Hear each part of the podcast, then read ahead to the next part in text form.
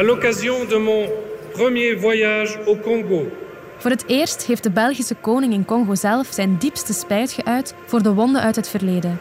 je désire réaffirmer mes plus profonds regrets pour ces blessures du passé. En over die wonden was hij duidelijk. Hij had het over een koloniaal regime Le régime colonial, gebaseerd op uitbuiting, l'exploitation et la domination paternalisme, par le paternalisme, op discriminatie en racisme. discriminations et le racisme. Maar spijt zijn nog geen excuses. En wat koopt Congo met de spijt van een Belgische koning? Het is vrijdag 10 juni. Ik ben Marie Garé en dit is vandaag de dagelijkse podcast van de Standaard.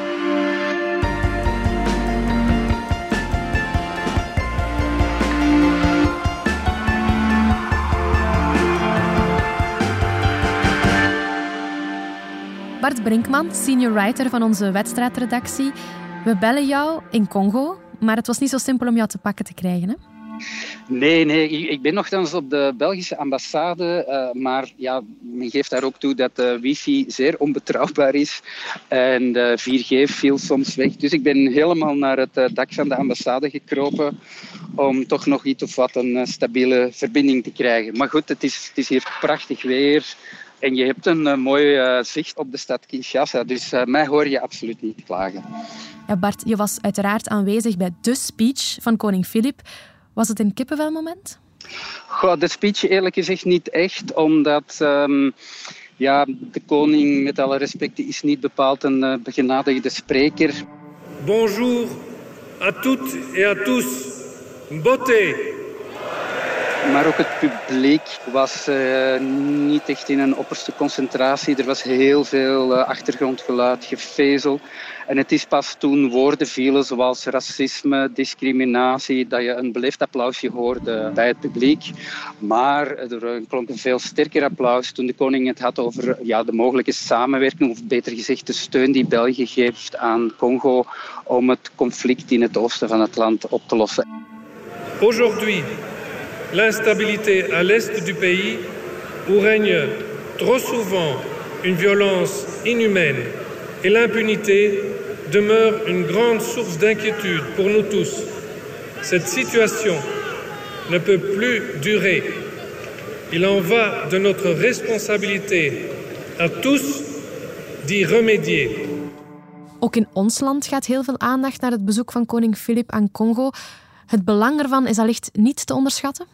Nee, dit is hoe dan ook een historisch moment. Het is voor het eerst dat een koning in Congo zelf zijn spijt betuigt over het verleden.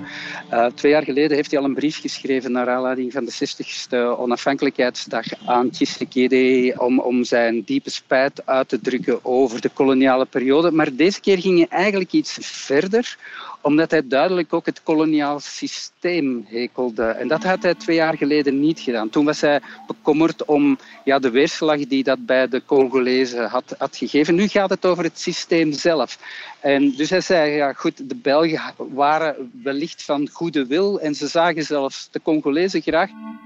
Bien que de nombreux Belges se soient investis sincèrement, aimant profondément le Congo et ses habitants, Maar het was een systeem gebaseerd op uitbuiting, racisme, discriminatie.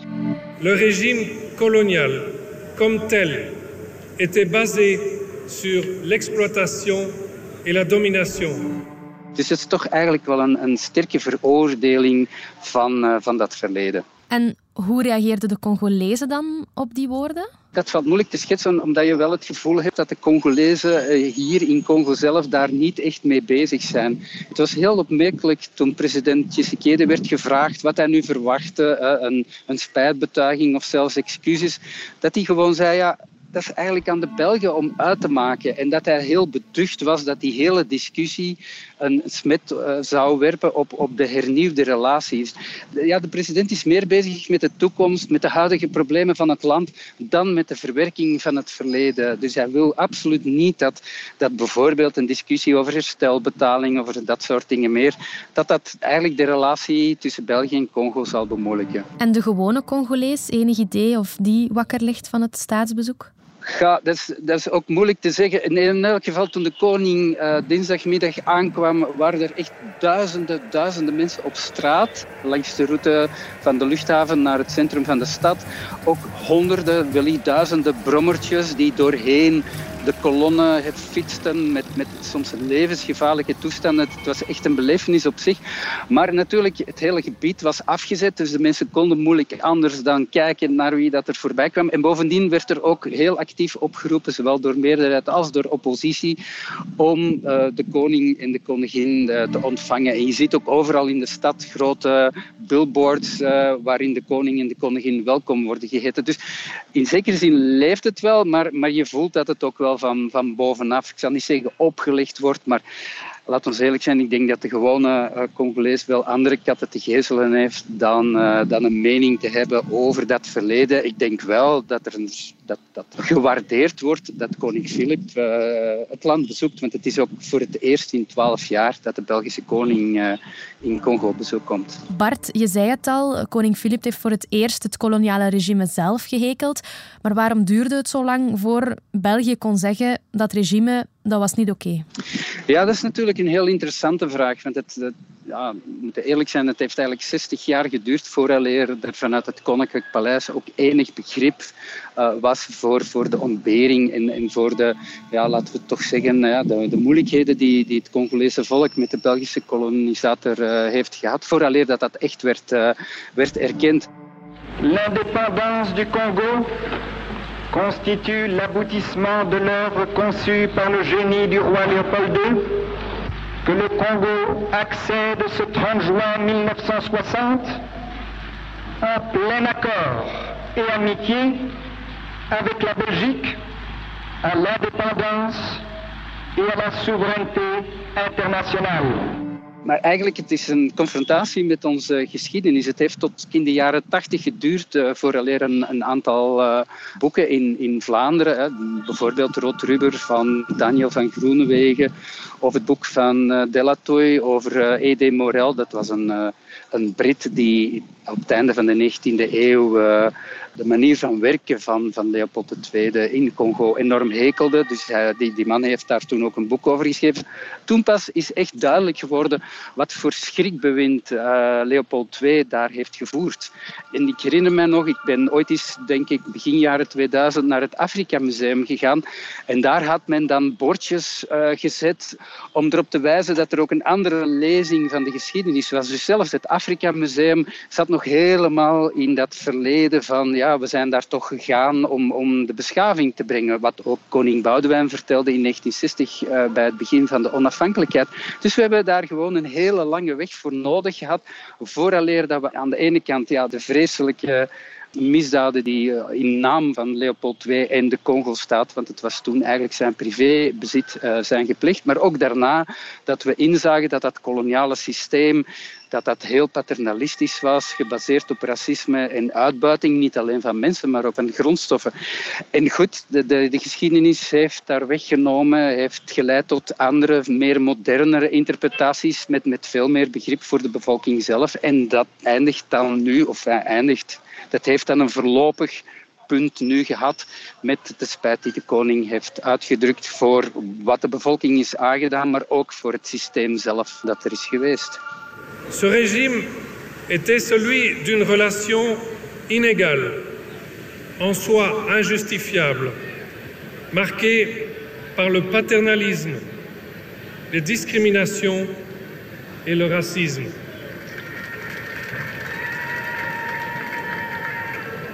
Il a donné lieu à des exactions et des humiliations.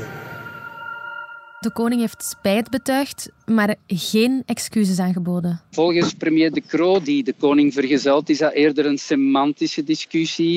Ik denk dat hij zich daar iets te gemakkelijk van afmaakt. Wat is eigenlijk het verschil bij excuses en als je iets fout doet? Ja, dat betekent dat je dat moet compenseren. Dus dat heeft ook een juridische implicatie. En daar is men natuurlijk als de dood voor, omdat je, ja, hoe moet je in godsnaam een discussie gaan voeren over mogelijke herstelbetalingen, als het dan al politiek mogelijk zou zijn, want er is in, in België natuurlijk helemaal geen meerderheid die dat zou goedkeuren.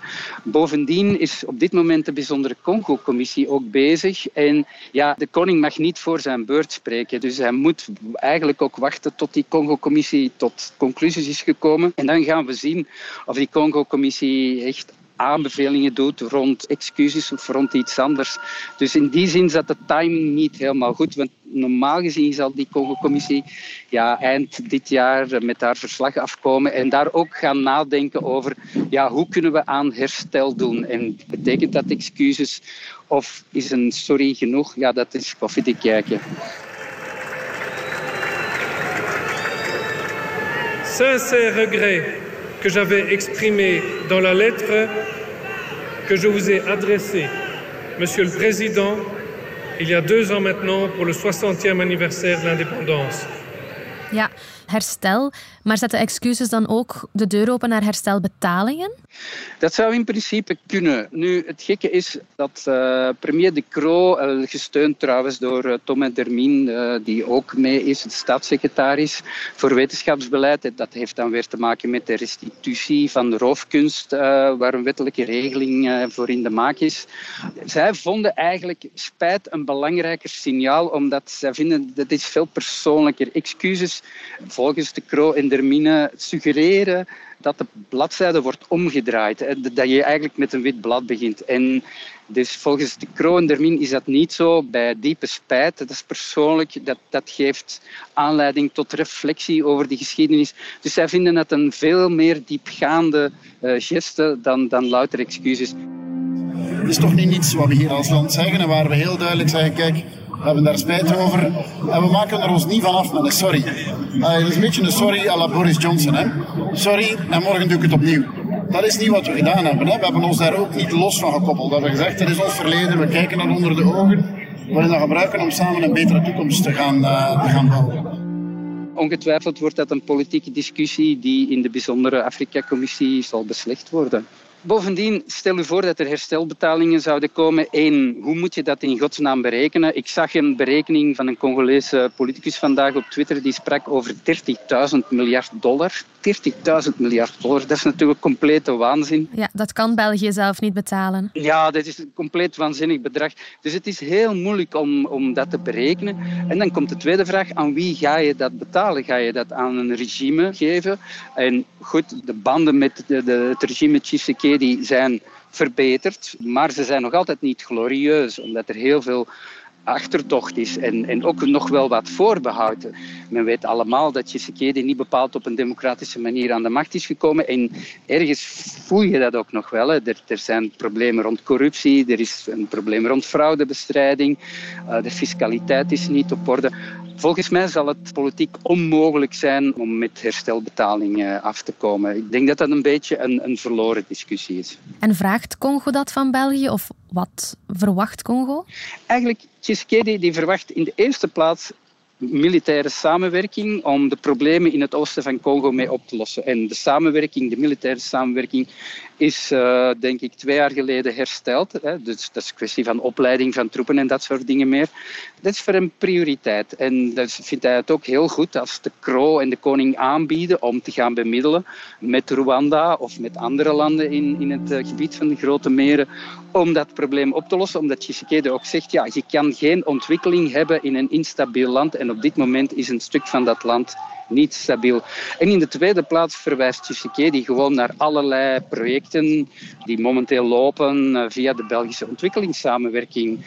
Dus eigenlijk is dat voor hem veel meer prioritair dan een discussie te openen over herstelbetaling of wat je soms ook hoort, het geven van de Belgische nationaliteit aan iedereen die voor 1960 geboren is en dat soort dingen meer ik denk niet dat hij daar op dit moment op uit is, want, en dat heb ik net ook al gezegd, hij wil dat die relaties dat die verbeteren en dat, dat doe je niet door een heel contentieus uit het verleden eerst te willen gaan uitdiscussiëren. Dus ja, wat de Croo ergens ook al vertelde van kijk, we moeten opletten, die hele discussie over excuses, spijt en dat soort dingen meer, Eén, het zou wel eens kunnen dat het meer over semantiek gaat dan over iets anders. En twee, we moeten ons ervan vergewissen dat de gewone Congolees die hier in Kinshasa woont, ja, die, is, uh, die heeft gewoon andere zorgen. En, en dus zei, zei de Kroo letterlijk van, goed, het is belangrijk dat we, dat we op een gemeenschappelijke manier naar de geschiedenis kunnen kijken, maar op voorwaarde dat dat de relaties verbetert, dat dat hervormingen versnelt, waardoor de gewone Congolees daar ook nog iets aan heeft. De Kro wil verbeterde relaties, Tshisekedi wil betere relaties met België. Hoe zijn ze nu? als je hier bent, dan heb je het gevoel dat ze zeer goed zijn. Dat is denk ik niet het geval. Ik had het uh, geluk om twee jaar geleden met uh, premier Sophie Wilmes ook naar Congo te kunnen gaan. En toen zaten de relaties echt niet goed. En dat had alles te maken met de manier waarop uh, de presidentsverkiezingen waren verlopen. Waarbij de eerste kandidaat geen president mocht worden. En de kandidaat van Kabila had het dan weer zo slecht gedaan. Dus dan was men bij Tshisekedi uitgekomen, die ergens ja, op de tweede plek stond, maar toch op, op grote afstand van Fayulu, die, die gewoon de, de, de verkiezing had gewonnen. Dus ja, dat geeft natuurlijk geen goede indruk dat je bij een president op bezoek moet die, die door fraude aan de macht is gekomen. Maar je merkt wel dat er bij de relaties toch een groot deel opportunisme is. Dat de Belgische diplomatie zo het gevoel heeft van goed, we moeten het hiermee doen. Op zijn minst zorgt Tshisekedi voor enige vorm van stabiliteit in Congo, wat op één na het grootste land van het continent is. En het is ook wel zo dat Tshisekedi de afgelopen twee jaar zijn macht wel verstevigd heeft. Dus goed, er zit heel veel pragmatiek in die relatie. En dus men heeft zoiets van, kijk, we kunnen overal, we kunnen op alle vlakken zout leggen. Maar laat mhm. ons toch ook proberen te kijken naar die dingen die beter gaan of die, die ergens veelbelovend zijn. En ik denk dat dat de relatie nog het beste schetst. We gaan er even uit voor dit. Ja, nu ik je aandacht heb, piemels.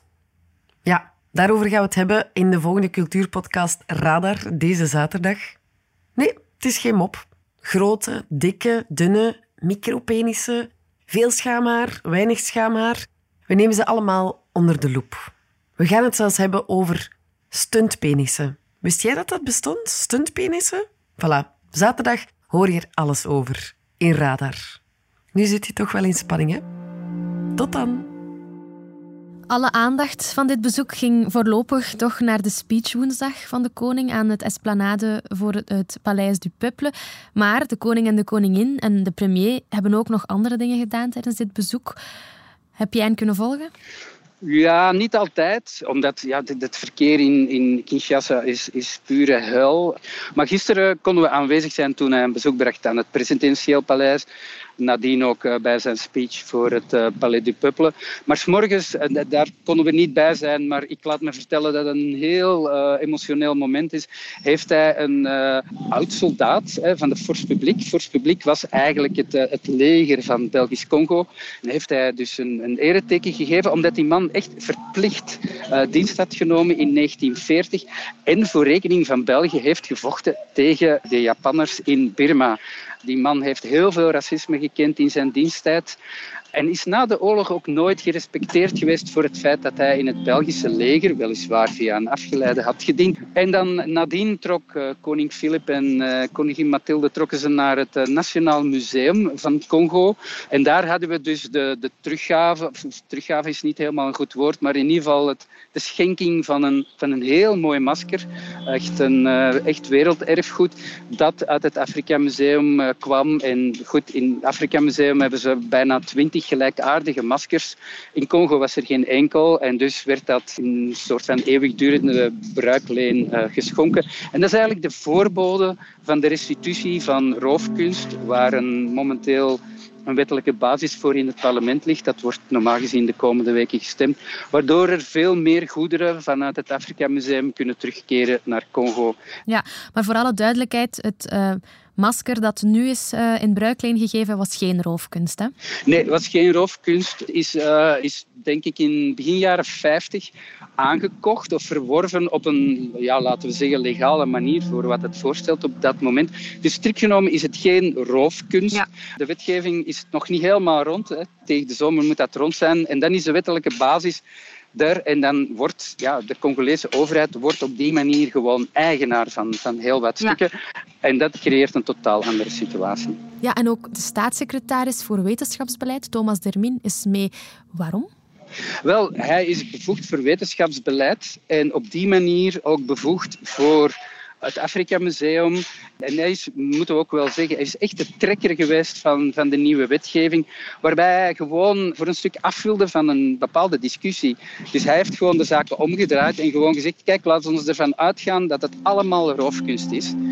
En dan kun je op een veel stabielere manier kun je bepaalde zaken teruggeven, want het is ook allemaal niet zo simpel. Ik bedoel, dat museum is ook niet zo groot. Dus Congo moet bij wijze van spreken ook wel de mogelijkheden hebben om, om bepaalde dingen te stallen en te bewaren. Dus dat zal nog een hele lange weg worden. Maar ja, je moet het hem wel geven. Hij heeft daar echt de bakens verzet. En wat is dan de rol van premier Alexander de Croo daar? Ja, die gaat natuurlijk mee, omdat um, ja, de regering is hoe dan ook verantwoordelijk voor alles wat de koning hier doet. En zeker in de politieke contacten, enfin, de contacten met Tshisekedi, is het dan belangrijk dat ook Alexander de Croo uh, aanwezig is. Maar hij is uh, gisterenavond is hij teruggevlogen uh, naar België, want hij heeft vandaag ook een, een kernkabinet te leiden met een aantal moeilijke dossiers. Dus, dus de Croo was alleen maar aanwezig gedurende de eerste twee, drie dagen van het bezoek. Deze missie is die volgens jou, Bart, een symbolisch sluitstuk? Of is het echt daadwerkelijk het begin van vernieuwde samenwerking tussen Congo en België? Ja, ik denk dat het een beetje tussen de twee valt. Er is hoe dan ook kun je dit bezoek als historisch bestempelen. Het is nog maar de vierde keer dat de koning een bezoek brengt aan het onafhankelijke Congo. Het is de eerste keer dat koning Filip hier is. Die man is toch ook al eh, over de 60. Dus het is hoe dan ook een belangrijke gebeurtenis. Het is een gebeurtenis die ook natuurlijk een beetje vertraagd is door COVID, door de oorlog in Oekraïne. De reis is eh, diverse keren uitgesteld. Maar je voelt wel, ehm, er is ook een goede relatie tussen Filip en uh, Tshisekedi. Je voelt wel van goed, het is een nieuwe start, ongetwijfeld. Maar eerlijkheid gebied te zeggen dat zo'n nieuwe starter ook al in het verleden geweest is. Bijvoorbeeld met Mobutu Sese Seko. En dat is eigenlijk allemaal heel slecht afgelopen. Dus ik denk dat er hoe dan ook toch nog wel wat wantrouwen bestaat. Uh, volgend jaar uh, zijn er hier ook verkiezingen. Ja, het hangt er allemaal vanaf hoe die gaan verlopen. Gaan die op een eerlijke manier verlopen? Of is er weer fraude in het spel? Dus het blijft toch een zeer delicaat evenwichtsspel. Bart Brinkman vanuit Congo, dankjewel. Graag gedaan. Vive le Congo, vive l'amitié belgo-congolaise.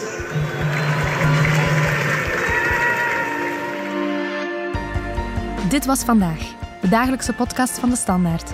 Bedankt voor het luisteren. Alle credits van de podcast die je net hoorde vind je op standaard.be/slash podcast. Reageren kan via podcast.standaard.be. Maandag zijn we opnieuw.